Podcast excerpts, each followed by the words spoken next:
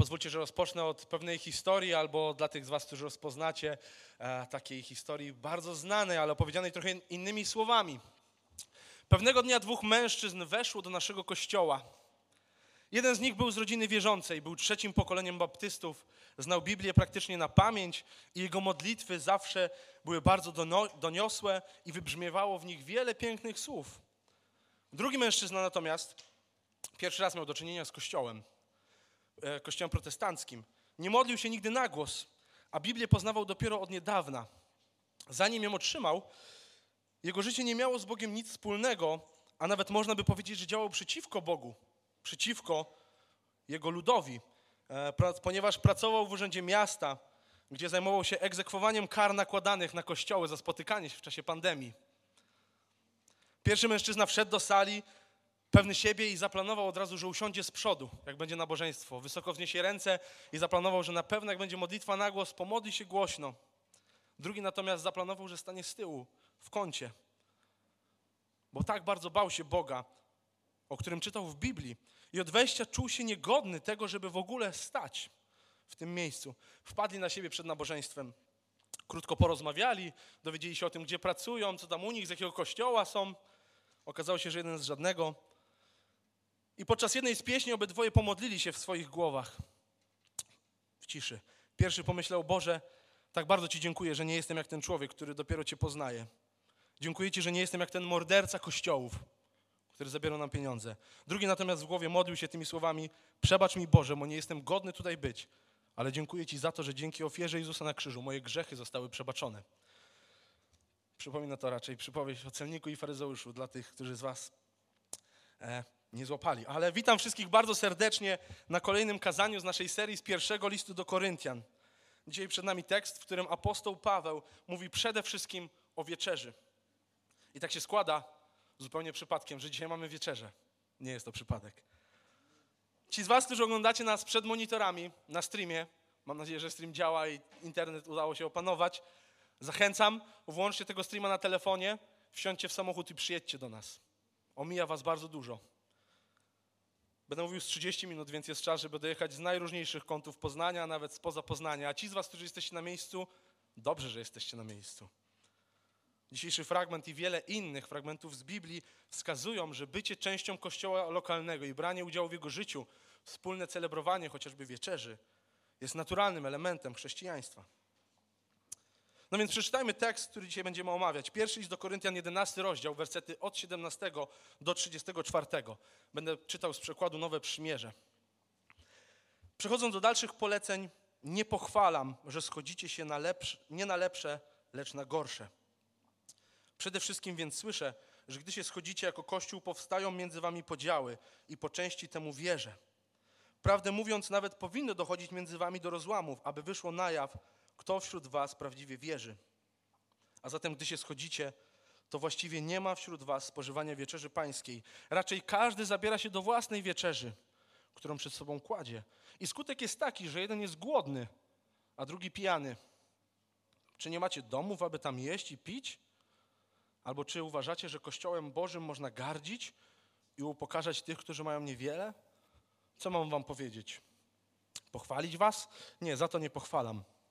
Ja, ja bowiem przyjąłem od Pana to, co też wam przekazałem, że Pan Jezus tej nocy, której został wydany, wziął chleb, złożył dziękczynienie, złamał i oznajmił, to jest moje ciało za was wydane. To czyńcie na moją pamiątkę. Podobnie, gdy było po wieczerzy, wziął kielich i oświadczył, ten kielich to nowe przymierze w mojej krwi, to czyńcie ilekroć pijecie, na moją pamiątkę. Gdyż ilekroć spożywacie ten chleb i pijecie z tego kielicha, ogłaszacie śmierć Pana do czasu Jego przyjścia. Dlatego kto by jadł chleb i pił z kielicha pańskiego niegodnie, winny będzie z lekceważenia ciała i krwi Pana. Niech więc każdy człowiek przyjrzy się sam sobie, a potem sięga po chleb i bierze do rąk kielich. Kto bowiem je i pije niegodnie, bez uszanowania dla ciała pańskiego je i, je i pije wyrok na samego siebie. Dlatego jest między wami tylu chorych i słabych, a wielu pomarło. Bo gdybyśmy osądzali samych siebie, nie bylibyśmy sądzeni, a tak sądzeni przez Pana. Jesteśmy karceni, aby wraz ze światem nie doznać potępienia. Dlatego, moi bracia, gdy się schodzicie na wspólny posiłek, czekajcie jedni na drugich. Jeśli ktoś jest głodny, niech się naje w domu, abyście się nie schodzili na własne potępienie. Co do pozostałych spraw zarządzę, gdy przybędę. Więc dzisiejszy tekst możemy podzielić na trzy części. Od wersetu 17 do wersetu 22 widzimy, że Paweł pisze o złej postawie Koryntian podczas wspólnych spotkań Kościoła, w szczególności Wieczerzy Pańskiej. Dalej od wersetu 23 do 26 apostoł Paweł przypomina nam, czy Koryntianom tak naprawdę, skąd wzięła się wieczerza. I na koniec od wersetu 27 do 34 pisze o celu i konsekwencjach wieczerzy. Jeżeli słyszeliście już chociaż jedno moje kazanie z tej serii, dowolne, naprawdę dowolne kazanie, albo kiedykolwiek czytaliście chociaż fragment pierwszego listu do Koryntian, to pierwsza część w ogóle nie powinna nas dziwić, w ogóle nas nie dziwi. Fakt, że Koryntianie są samolubni i mają złą postawę, wybrzmiewa regularnie w tym liście. Pytanie, które powinniśmy sobie dzisiaj zadać, dlaczego Paweł znowu wraca do tego tematu? Przecież oni już chyba to wiedzą, że mają złe podejście w wielu tematach. Ale tutaj Paweł dotyka tego problemu z innej strony. Dotychczas mówił o tych podziałach, które wynikają z tego, że tworzyły się podgrupy w kościele na podstawie ulubionego mówcy. Czy to apostoł Paweł jest moim ulubieńcem, czy Apolos, a może apostoł Piotr, który wpadł na chwilę i tak mnie zachwycił. Albo można było dostrzec tą postawę, złą postawę bycia samolubnym i robienia dla siebie rzeczy, ponieważ powstawały grupy, które tak swoje, prowadziły swoje życie codzienne i czuły taką wolność w Chrystusie, że inni członkowie z tego powodu porzucali wiarę w Boga i zastanawiali, czy ten Bóg w ogóle istnieje. Ludzie nazywający się chrześcijanami sypiali z prostytutkami, brali udział w ofiarach składanych innym Bogom i ucztach. Ale teraz, dzisiaj temat jest zgoła inny. Paweł w dziesiątym rozdziale kończy część, w której odnosi się do złych praktyk, jakie mieli Koryntianie w swoim życiu prywatnym, gdzieś na zewnątrz Kościoła. Teraz jesteśmy w części listu, gdzie mowa jest o tym, jak ma wyglądać życie wewnątrz Kościoła. Skończyła się subiektywna ocena czyjejś duchowości, zastanawiania się nad tym, gdzie jest granica grzechu w świecie i gdzie jest granica wolności, którą mamy w Chrystusie. Tutaj linia, którą Paweł rysuje, odnosi się bezpośrednio do kwestii wiary. W dzisiejszym tekście dotykamy pytania, w co ty wierzysz? Pozwólcie, że się pomodlę i przejdziemy do omawiania tekstu. Dobry Boże, tak bardzo dziękuję Ci za kolejną niedzielę, którą dajesz nam w swojej łasce. Boże, dziękuję Ci za to, że za ten tekst, który będziemy dzisiaj czytać. Dziękuję Ci za to, co nam zostawiłeś i właśnie czego będziemy dzisiaj dowiadywali się o wieczerzy. Boże, dziękujemy Ci za Twoją ofiarę na krzyżu i za to, że my dzisiaj, dwa tysiące lat później, możemy siedzieć razem e, i Panie, uwielbiać Ciebie za to, co właśnie zrobiłeś na krzyżu. Proszę Cię, nie daj mi powiedzieć niczego, co jest niezgodne z Twoim słowem. I zmieniaj nasze serca, tak by były one coraz bardziej podobne do Twojego. Amen. Przechodząc do dalszych poleceń, nie pochwalam, że schodzicie się na lepsze, lecz na gorsze. Więc Paweł zaczyna od tego, że jako Kościół Koryntianie spotykają się nie na lepsze, ale na gorsze. Już tutaj musimy zatrzymać się na chwilę. Z kontekstu wiemy, że Paweł odnosi to do spotkania Kościoła. Dosyć naturalnie rozumiemy, że każde spotkanie Kościoła powinno w efekcie być na lepsze. Powinniśmy wychodzić bardziej zbudowani duchowo, poziom naszej radości w Chrystusie powinien się zwiększać, nasze relacje powinny się zacieśniać, nasze poznanie Chrystusa na pewno powinno być większe po spotkaniach Kościoła. Z tym się zgodzi każdy z nas, ale myślę, że możemy to rozciągnąć trochę szerzej. Ten ekstremalny problem Koryntian nie powinien oznaczać, że zatrzymujemy się tylko na spotkaniach tych całego Kościoła. Przecież nie tylko nabożeństwo, obóz, wyjazd zborowy, konferencja, mała grupa to jest spotkanie Kościoła. Czy tą zasadę przenosimy również na te mniej duchowe spotkania Kościoła? Jak urodziny, spotkanie na Sylwestra, wesele, luźne spotkanie znajomych? Czy tam również spotykamy się na lepsze? Czy może gdy spotykamy się już w trochę luźniejszej atmosferze, to nie ma dla nas znaczenia, jaki będzie wynik tego spotkania. Zdarza nam się regularnie spotykać na gorsze. W moim życiu wielokrotnie spotykałem się z ludźmi i w tych spotkaniach moim celem było spełnienie moich własnych pragnień, zaspokojenie moich porządliwości, zrobienie tego, co mi się chce akurat. I widzę teraz, że gdy miałem z tymi samymi ludźmi za chwilę spotkanie w wspólnym kościele, to już coraz trudniej było spotykać się na lepsze, rozmawiać o głębszych rzeczach, głębszych tematach. Coraz trudniej było z tymi samymi ludźmi uwielbiać Boga Jak przed chwilą jedynym naszym celem było zaspokojenie naszych potrzeb. Spotykając się na graniu, czy gdy w centrum pojawiały się spotkania, alkohol i to było super, że będzie super impreza. Pamiętam z mojego dzieciństwa, znaczy z dzieciństwa, moich lat nastoletnich, jak w naszym kościele właśnie tak było, w moim przypadku. Mieliśmy bardzo dużo spotkań z moimi kolegami, w których regularnie spotykaliśmy się na lepsze. Byliśmy razem na nabożeństwie, na młodzieżówce, organizowaliśmy obozy. Ale nasze życie było wypełnione spotkaniami, w których potrafiliśmy się pokłócić o rzeczy zupełnie bez znaczenia. I z biegiem czasu naprawdę zaczynało to zabijać coraz bardziej to poczucie wspólnotowości, poczucie tego, że chcemy ewangelizować razem. To schodziło na bok. Nawet gdy oszukiwaliśmy się, że to spotkanie już teraz będzie na lepsze. Oduczaliśmy się tego. I to ma też przełożenie na ten dzisiejszy temat, czyli na wieczerze. Może mamy tak dużo urodzin, integracyjnych wypadów, zupełnie bez Biblii, bez żadnej konfrontacji, że powoli przekłada się to na nasze życie w kościele. Powoli już te spotkania, tak jak wspólne nabożeństwo, celebrowanie wieczerzy, znowu stają się spotkaniami nie na lepsze, ale na gorsze. Ale idźmy dalej. Przede wszystkim więc słyszę, że gdy schodzicie się jako Kościół, powstają między wami podziały i po części temu wierzę. Prawdę mówiąc, nawet powinno dochodzić między wami do rozłamów, aby wyszło na jaw, kto wśród was prawdziwie wierzy. I Paweł porusza tutaj bardzo ważny temat, który stoi w kontrze do tego, co dzisiaj możemy usłyszeć w świecie, albo nawet czasem w kościele. Zdarzyło mi się to usłyszeć w jednym kościele. Nie wiem, czy kiedyś słyszeliście słowa relacje ponad rację. Czyli ważniejsze jest to, żeby było nam miło i żebyśmy się lubili, niż to, żebyśmy stanęli w prawdzie. Żebyśmy powiedzieli naszemu bratu lub siostrze, że w czymś się z nim nie zgadzamy, że w czymś grzeszą, że coś jest grzechem w ich życiu. I trudne jest to, co pisze Paweł, bo mówi on o tym, że czasami podział Kościoła jest dobry, jest na lepsze. Będzie on może smutny, trudny, ale może być na lepsze. Ale nie chodzi tutaj o rozłam Kościoła na to, jaki ma być kolor ścian. Albo jak dużo krzeseł zmieścimy w sali, czy komuś bardziej się podoba, jak kaznodzieja jest na scenie, czy na dole. Gdybyśmy tak zrobili, się tak podzieli, to byłoby to bardzo smutne duchowo. I niestety dzieje się tak w różnych kościołach na świecie. Kościoły potrafią dzielić się ze względu na kwestie organizacyjne tylko i wyłącznie. Albo na jakieś prywatne tematy, takie, które niewiele mają znaczenia, z tymi tematami poważnymi. Tutaj Paweł właśnie pisze o tym w kontekście wieczerzy, tematu bardzo ważnego, przez który będziemy dzisiaj przechodzić. Jeżeli więc, jeżeli więc jest wśród nas jakaś grupa, która po dzisiejszym kazaniu bardzo mocno będzie się ze mną nie zgadzać w kwestii wieczerzy, nie rozdzielajmy się od razu, zacznijmy od rozmawiania. Ale w efekcie może się okazać, że powinniśmy się rozejść, bo zupełnie różnie rozumiemy bardzo ważne kwestie w Biblii. Nie bójmy się rozmawiać i niech każde spotkanie będzie na lepsze. Nawet jak oznacza to, że chwilę będzie nam smutno, albo będziemy musieli kogoś napomnieć, będziemy musieli wrócić i rozgrzebać rany, które wydawało nam się, że są zagojone, a tak naprawdę ciągle przykładamy na nie plaster, relacje ponad racje. Rozmawiajmy szczerze nawet wtedy, gdy może się to skończyć rozejściem w różne strony, ale rozejściem wspólną modlitwą. I teraz przechodzimy do samej wieczerzy, czyli głównego dzisiaj tematu. A zatem, gdy się schodzicie, to właściwie nie ma wśród Was spożywania wieczerzy pańskiej.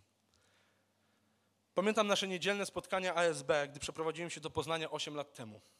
Zamawialiśmy pizzę raz w miesiącu właśnie przy okazji wieczerzy i zawsze wtedy, wtedy na tych nabożeństwach pojawiała się większa grupa ludzi. Nazywałem ich pizzowymi chrześcijanami w mojej głowie. Bronili się, że nie wiedzieli, że dzisiaj będzie pizza i tak jakoś wyszło, ale tak dziwnie wychodziło, że co miesiąc to były te same osoby, które nigdy indziej nie przychodziły, a wtedy jednak były. I przyznam się wam, że łatwo bardzo przychodziło mi ocenianie tych ludzi. Dlatego, że brali udział w wieczerze i nabożeństwie z mojej perspektywy tylko ze względu na tą pizzę, która była po. Oceniałem ich dlatego, że nie rozumieli, na czym polega wieczerza. Ale teraz, gdy patrzę na moją historię w KNS-ie, to dostrzegam, że sam przez pierwsze parę lat, parę lat zupełnie nie rozumiałem istoty wieczerzy. Pomimo tego, że byłem na każdym nabożeństwie, a nie tylko przy okazji pizzy. I nie przyciągało mnie właśnie coś innego. To byłem tak samo nieświadomy jak pizzowi chrześcijanie. I do dzisiaj zdarza mi się, że gubię sens wieczerzy. No więc o co tak naprawdę chodzi z tą wieczerzą? Czym jest wieczerza pańska? W naszym kościele obchodzimy ją w dosyć wyjątkowy sposób, jak na standardy polskie. zawsze przy stołach, wspólnym posiłkiem. I pewnie wielu z Was zadaje sobie to pytanie, o co z tym chodzi, po co tak? Inni może szybko wychodzą po nabożeństwie, żeby przypadkiem tego pytania nie musieć sobie zadawać. Łatwiej jest uciec niż skonfrontować swoje myśli w tym, o co tutaj chodzi. Więc to słowo wieczerza nie jest dzisiaj już tak popularne w języku polskim, ale kiedyś oznaczało po prostu kolację. W większości kultur i też w kulturze żydowskiej w pierwszym wieku kolacja była największym, najważniejszym, centralnym posiłkiem rodziny. Jedynym rodzinnym posiłkiem w ciągu dnia, ponieważ dopiero po całym dniu pracy rodzina schodziła się razem na wspólny posiłek. I Paweł oddziela tą zwykłą kolację od kolacji pańskiej. Właśnie tym słowem pańska. No ale nie sama nazwa nadaje wyjątkowość wieczerzy. Gdyby tak było, to już dawno byśmy przestali ją obchodzić. W dzisiejszych czasach możemy zaobserwować, jak kultura próbuje wyrwać tradycję i znaczenie wyjątkowych posiłków, które mamy i zostawić dla nich tylko wyjątkową nazwę. Kolacja wigilijna w wielu domach nie różniąca się niczym innym od kolacji. Śniadanie wielkanocne, które oznacza, że zjemy trochę więcej jajek i majonezu, ale nic więcej. I widzimy, jak powoli kulturowo te wydarzenia zanikają, ich sens traci na znaczeniu. Więc jeżeli tylko nazwa by miała trzymać wyjątkowość wieczerzy, to nie przetrwałaby ona dwa tysiące lat. Zatem musi być coś w tej wieczerzy, wieczerzy pańskiej, coś wyjątkowego. W wersecie 28 Paweł dodaje, że wieczerza wymaga tego, żeby się do niej przygotować. I znowu, bardzo od razu w mojej głowie pojawił się obraz e, kolacji wigilijnej. Nie wiem, jak jest u Was, ale u nas w domu godzinę przed kolacją po prostu przerywamy wszystko, co robimy. Każdy idzie do swojego pokoju, trochę się lepiej ubrać, zapakować ostatnie prezenty i oddzielić tą kolację od reszty dnia. Żeby była jakoś wyjątkowa. I tutaj Paweł również zachęca do przygotowania się do wieczerzy, ale na pewno nie w tym sensie, że mamy się ubrać wyjątkowo albo technicznie coś przygotować. Czytamy, niech więc każdy człowiek przyjrzy się sam sobie, a potem sięga po chleb i bierze do rąk kielich. W naszym kościele zachęcamy do tego przygotowania się w ciągu tygodnia. Zazwyczaj Maciej Kociński z pomocą Oli wrzucają informacje na naszej grupie, żeby się przygotować. Zachęcamy do tego tydzień przed na nabożeństwie, przed wieczerzą, żeby się do tego przygotować. Ale też zazwyczaj przed wieczerzą mamy krótkie słowo i dzisiaj jest to moje kazanie, żeby nie powtarzać tych samych rzeczy. Również dlatego mamy czas trwania w modlitwie przed samą wieczerzą, żeby przygotować swoje serce zanim weźmiemy chleb i zanim weźmiemy kielich. I chcemy to robić dlatego, że jak sam Paweł pisze werset wcześniej i werset później, dlatego kto by jadł chleb i pił z kielicha pańskiego niegodnie, winny będzie z lekceważenia ciała i krwi Pana. Kto bowiem je i pije niegodnie, bez uszanowania dla ciała pańskiego, je i pije wyrok na samego siebie. Myślę, że nikt z nas, jak tutaj siedzimy, nie chcemy zlekceważyć ciała i krwi Pana. Albo nie chcemy jeść i pić wyroku na samego siebie. Ale musimy sobie odpowiedzieć, czym dokładnie to zlekceważenie jest i co oznacza jedzenie i picie wyroku na samego siebie. Żeby to zrobić, musimy w końcu odpowiedzieć na to pytanie, czym jest wieczerza pańska. I musimy powiedzieć coś więcej niż, że jest to wyjątkowa kolacja, wyjątkowy posiłek w naszym przypadku, wymagający jakiegoś przygotowania.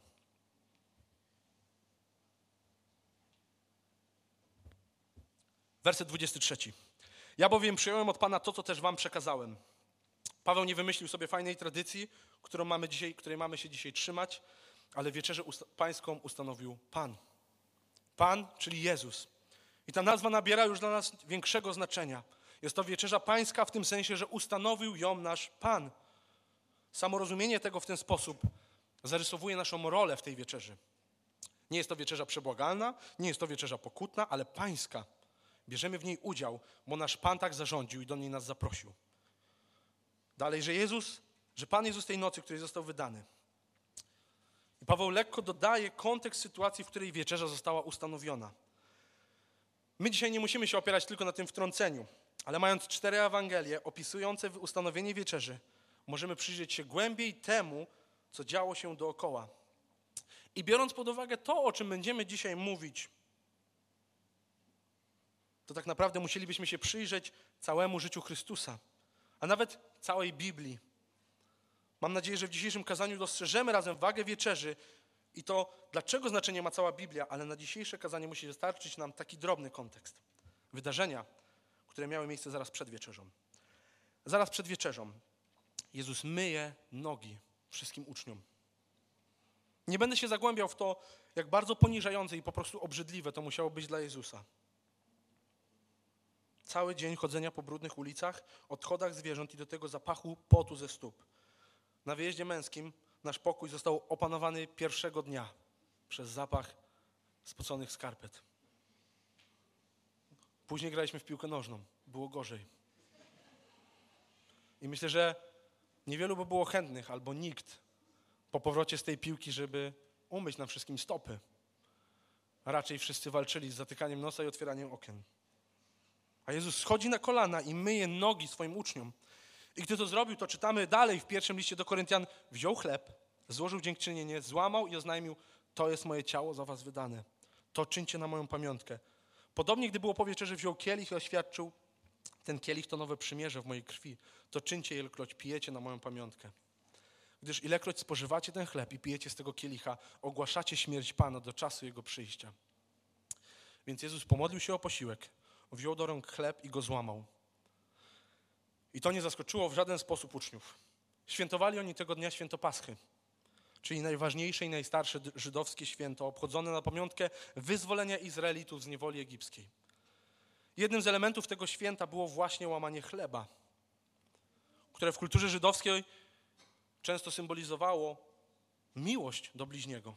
Osoba łamiąca chleb podkreślała przyjazne nastawienie i dobre relacje z tymi, z którymi tym chlebem się dzieliła. Ale słowa Jezusa, które padły zaraz po tym, nie były już tak dla nich oczywiste. To jest moje ciało za was wydane. Później wziął kielich z winem i powiedział, ten kielich to nowe przymierze w mojej krwi. A całość zakończył, gdyż ilekroć spożywacie ten chleb i pijecie z tego kielicha, ogłaszacie śmierć Pana do czasu Jego przyjścia. Ich Pan przecież siedział obok. On ciągle żyje. O czym Ty mówisz, Jezu?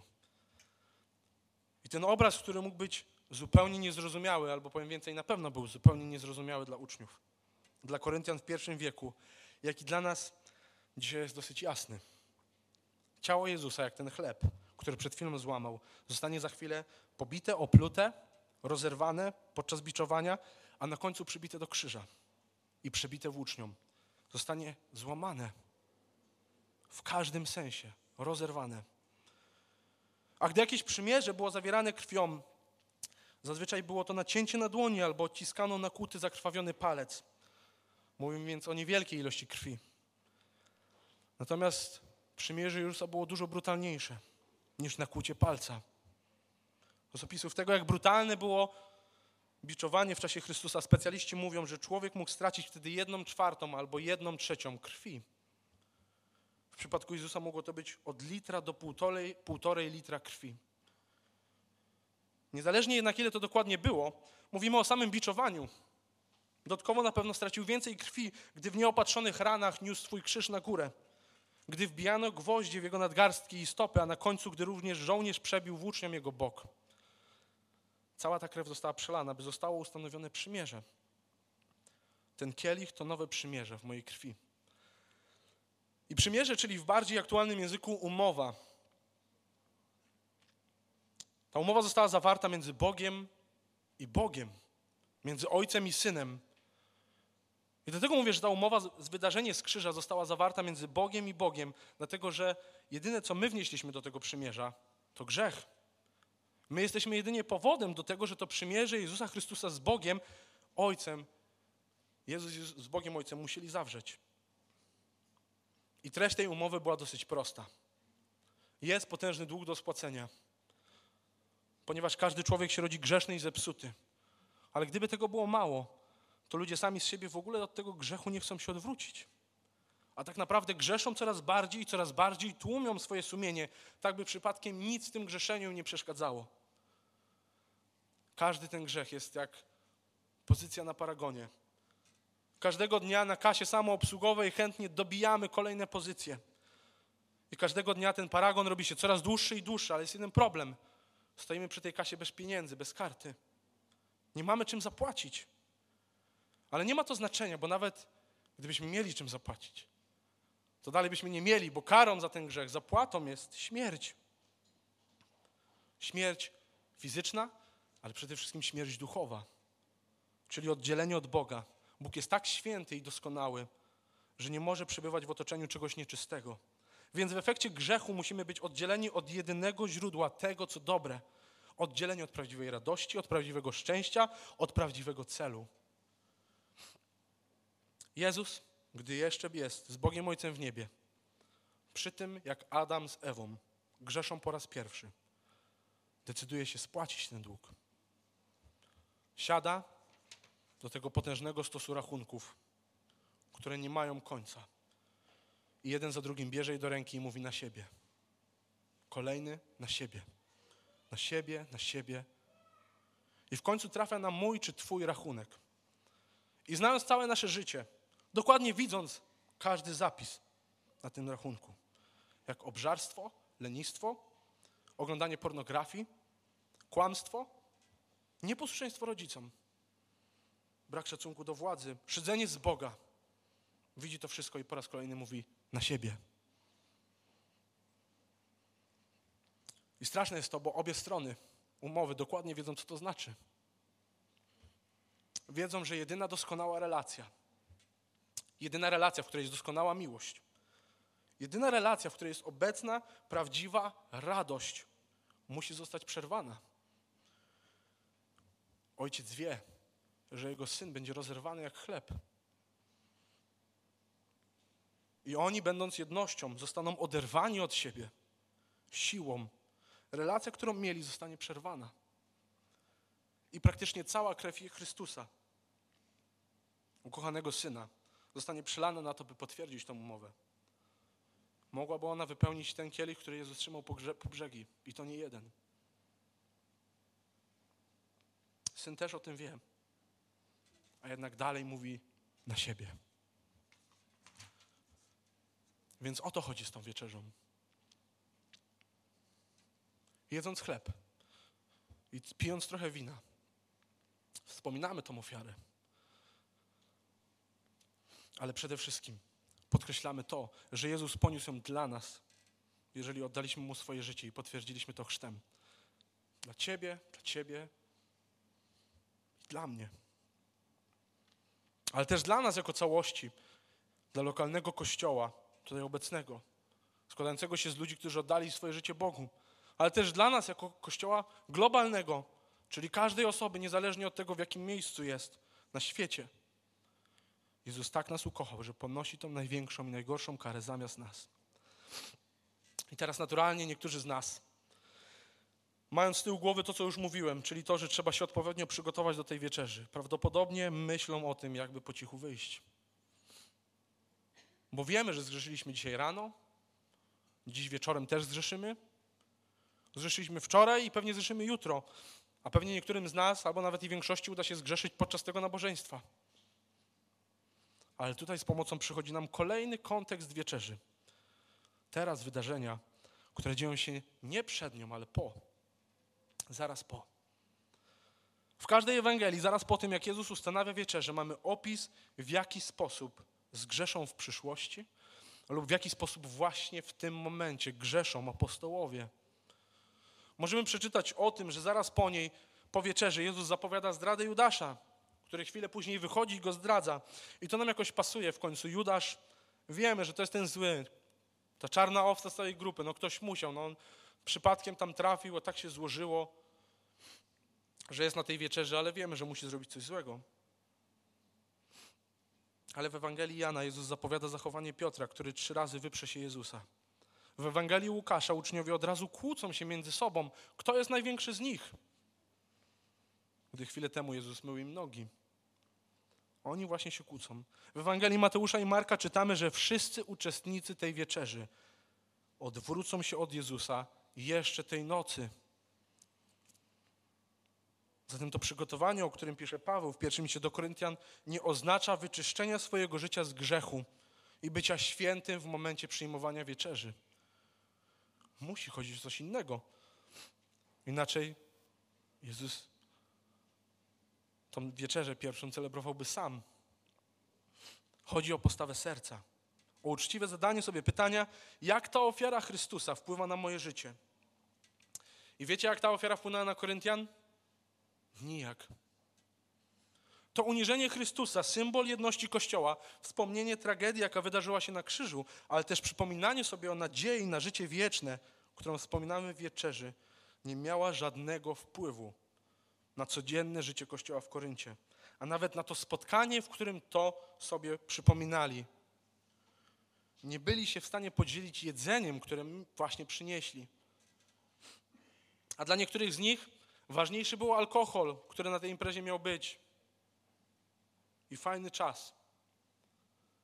Możemy iść dalej, patrząc na cały list i zobaczyć, na co jeszcze ta ofiara w Chrystusie, wieczerza pańska, nie miała wpływu.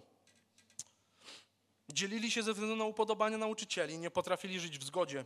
Na to też ta ofiara nie miała wpływu. Koryntianie nie walczyli o czystość seksualną. Na to też ta ofiara nie miała wpływu.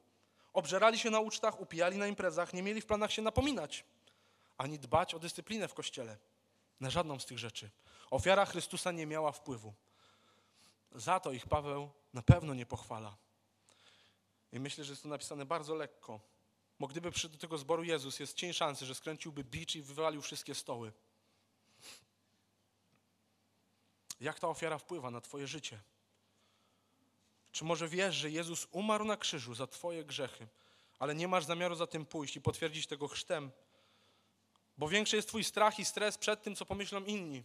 To jest większe niż to, że ktoś zmarł na krzyżu za Ciebie. Czy może zrobiłeś wszystko, co trzeba? Powiedziałeś kiedyś świadectwo, dałeś się ochrzcić, ale dzisiaj nie masz zamiaru walczyć z grzechem. Tylko powoli się z nim oswajasz. Nie da się być świętym, nie? Może nie potrafisz przybaczyć bratu albo siostrze. Nie potrafisz ich przeprosić. Nie potrafisz przyznać się do swojej winy. I jedyne, co cię dzisiaj interesuje, to zjeść trochę pizzy. I mówię tak ostro dlatego, że sam dosyć niedawno podczas wieczerzy w głowie miałem tylko i wyłącznie jedzenie. Weszli ludzie do nas do sali, którzy nie byli na, na nabożeństwie. Miałem okazję tego dnia mieć kazanie i widziałem, jak kręcą się za szybą naszej sali. Weszli w trakcie, gdy mieliśmy jedzenie, gdy były rozstawione stoły, nałożyli sobie jedzenie i poszli do kawiarenki, poprosili o pudełko, które dajemy do wynoszenia ciasta, na, do dawania ciasta na wynos. Zabrali to jedzenie i wyszli. Jedyna rzecz, która mnie wtedy powstrzymała, żeby nie wyrwać im tego jedzenia i po prostu wywalić ich z tej galerii, była moja rodzina, którą musiałem się w tym momencie zająć. Byłem wściekły. Jak w ogóle śmią się tak zachowywać? Nie miałem zamiaru okazać im najmniejszej miłości, równolegle wspominając to, że ja sam byłem takim przechodniem na zewnątrz sali. Nie myślałem o tym, by z nimi porozmawiać i ich zaprosić, a chwilę wcześniej wspominam to, że Jezus zaprosił mnie do zastawionego stołu. Mnie, który plułem mu prosto w twarz, a nie tylko zabrałem trochę jedzenia. Zapraszam je z uśmiechem i otwartymi ramionami. A może jesteś jeszcze w innej grupie i ta ofiara w ogóle cię nie rusza, albo nawet nie wierzysz w to, że Jezus jest Bogiem i na krzyżu zmarł za twoje grzechy. Nie ma dla ciebie żadnego ratunku. To, że teraz w twoim życiu są promienie radości, nadziei, czegokolwiek dobrego, to, że teraz w twoim, to, to, to wynika to z tego, że Bóg nadal trzyma świat w swoich rękach, ale nie będzie tak wiecznie. Jeżeli nie uchwycisz się ofiary Jezusa Chrystusa, to może być najbardziej religijną osobą, być na każdej wieczerzy, ale nie ma to żadnego znaczenia. Jedyny ratunek jest w Nim. Ale to jak Paweł pisze do Kościoła, do ludzi, którzy zaufali Bogu, a jednak dalej niewłaściwie podchodzą do wieczerzy pańskiej, czy w ogóle do ofiary Chrystusa. Pisze do nich, kto bowiem je i pije niegodnie, bez uszanowania dla ciała pańskiego, je i pije wyrok na samego siebie. Dlatego jest między wami tylu chorych i słabych, a wielu pomarło. Niewłaściwe celebrowanie wieczerzy pańskiej. Nie chodzi tu o aspekt techniczny, jak to zrobimy, ale o aspekt duchowy. Niewłaściwe, puste, nie zmieniające nic w naszych życiach, podkreślanie, wspominanie, obchodzenie wieczerzy pańskiej będzie miało swoje konsekwencje tutaj na ziemi. Czy nam się to podoba, czy nie. Bóg nie pozwoli z siebie szydzić i będzie pouczał, karcił i prostował tych, którzy są Jego dziećmi. Jak dobry ojciec, który ma najbardziej nieposłuszne dzieci na ziemi. I te dzieci to my. Będzie je zdyscyplinował dla ich dobra. I chodzi tutaj dosłownie o fizyczne choroby, albo śmierć członków kościoła w Koryncie. Żaden kontekst, ani żadne tłumaczenie nawet trochę nie wskazuje, że chodzi tu o aspekty duchowe. Jak choroby duchowe albo śmierć duchową. Nie. Dosłownie choroby fizyczne i śmierć. Były one efektem ich frywolnego i złego podejścia do wspominania ofiary Chrystusa. A więc właściwe celebrowanie wieczerzy pańskiej jest głęboką świadomością o tym, że jestem grzesznikiem, który potrzebuje ratunku. Potrzebuję kogoś, kto zapłaci za mnie cały niespłacalny dług. I Jezus jako jedyny, który ten dług może spłacić, umiera na krzyżu zamiast mnie. Więc ja dzisiaj chcę usiąść przy zastawionym ziemskim stole i przypominać sobie o tym, że dzięki Jego ofierze czeka mnie jeszcze większa uczta. Życie wieczne razem z Nim, gdzie nie ma już śmierci, gdzie nie ma bólu, gdzie nie ma grzechu. Taką wieczerzę, takim przesłaniem dzielmy się ze wszystkimi. I zapraszajmy do tego stołu każdego, święcując to, że nasz Pan zmarł, ale i zmartwychwstał. Odszedł do nieba, ale wróci. Zapraszajmy nawet tych, którzy przyszli tu tylko po trochę jedzenia. I zrobią to nawet w najbardziej niekulturalny sposób, jaki tylko się da. Czy ty dzisiaj w to wierzysz? Czy pragniesz żyć nadzieją i wolnością od grzechu, którą daje Chrystus? Jeżeli tak i dotychczas nie oddałeś swojego życia Bogu, to zrób to dzisiaj. Jeżeli nie wiesz, jak to zrobić, przyjdź do mnie po kazaniu. Będę siedział z przodu i będziemy, możemy razem się modlić o to, by ofiara, Chrystusa, Chryst, ofiara Jezusa Chrystusa dotyczyła również Ciebie, by Twój grzech został zmazany.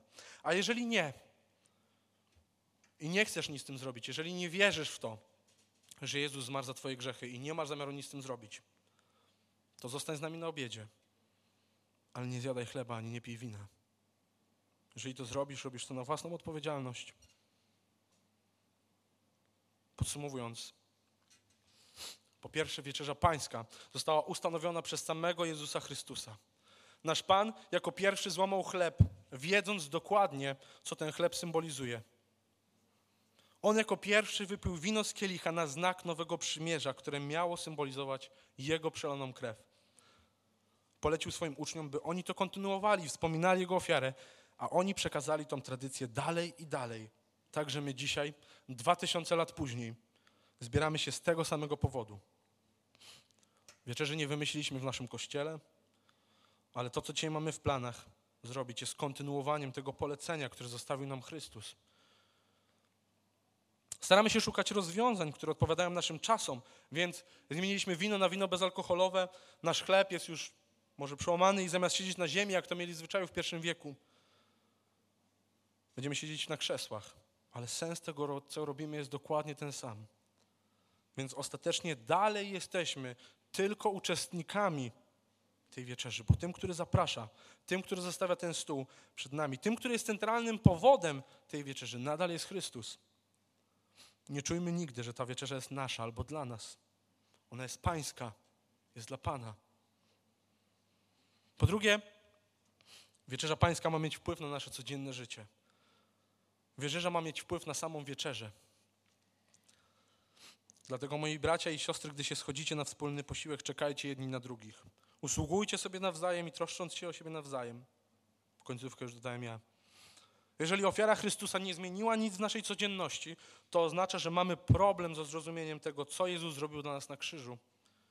Bracie i siostry, jeżeli w Twoim życiu obecne jest nieprzebaczenie, brak pokory, myślenie tylko o sobie, to nie załamuj się. Jesteśmy grzesznymi ludźmi.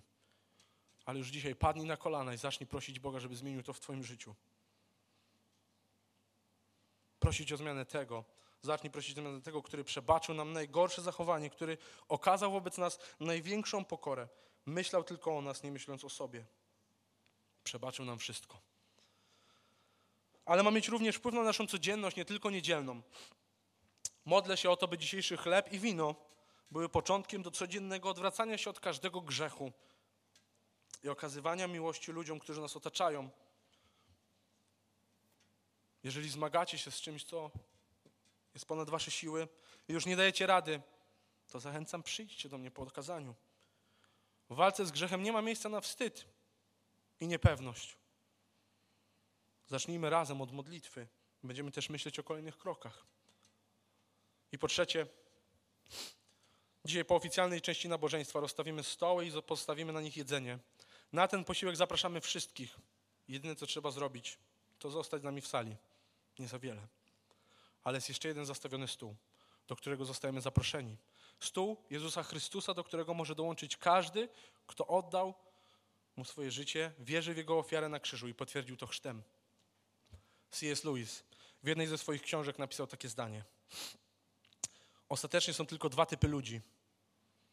Ci, którzy mówią do Boga, niech stanie się wola Twoja. I tacy, do których sam Bóg mówi, niech będzie wola Twoja. Wszyscy są w piekle, wszyscy, którzy są w piekle, wybrali to.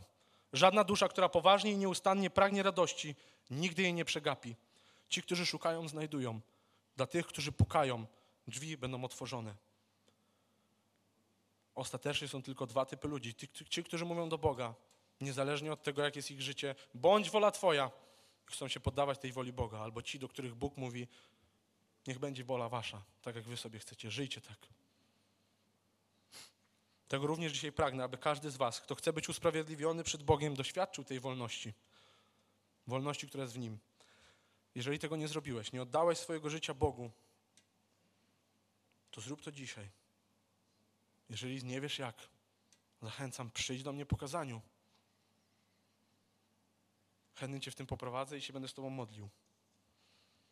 Dla tych z Was, którzy macie jakiekolwiek pytania albo chcecie porozmawiać o czymkolwiek, tak jak mówię, będę siedział z przodu, można przyjść.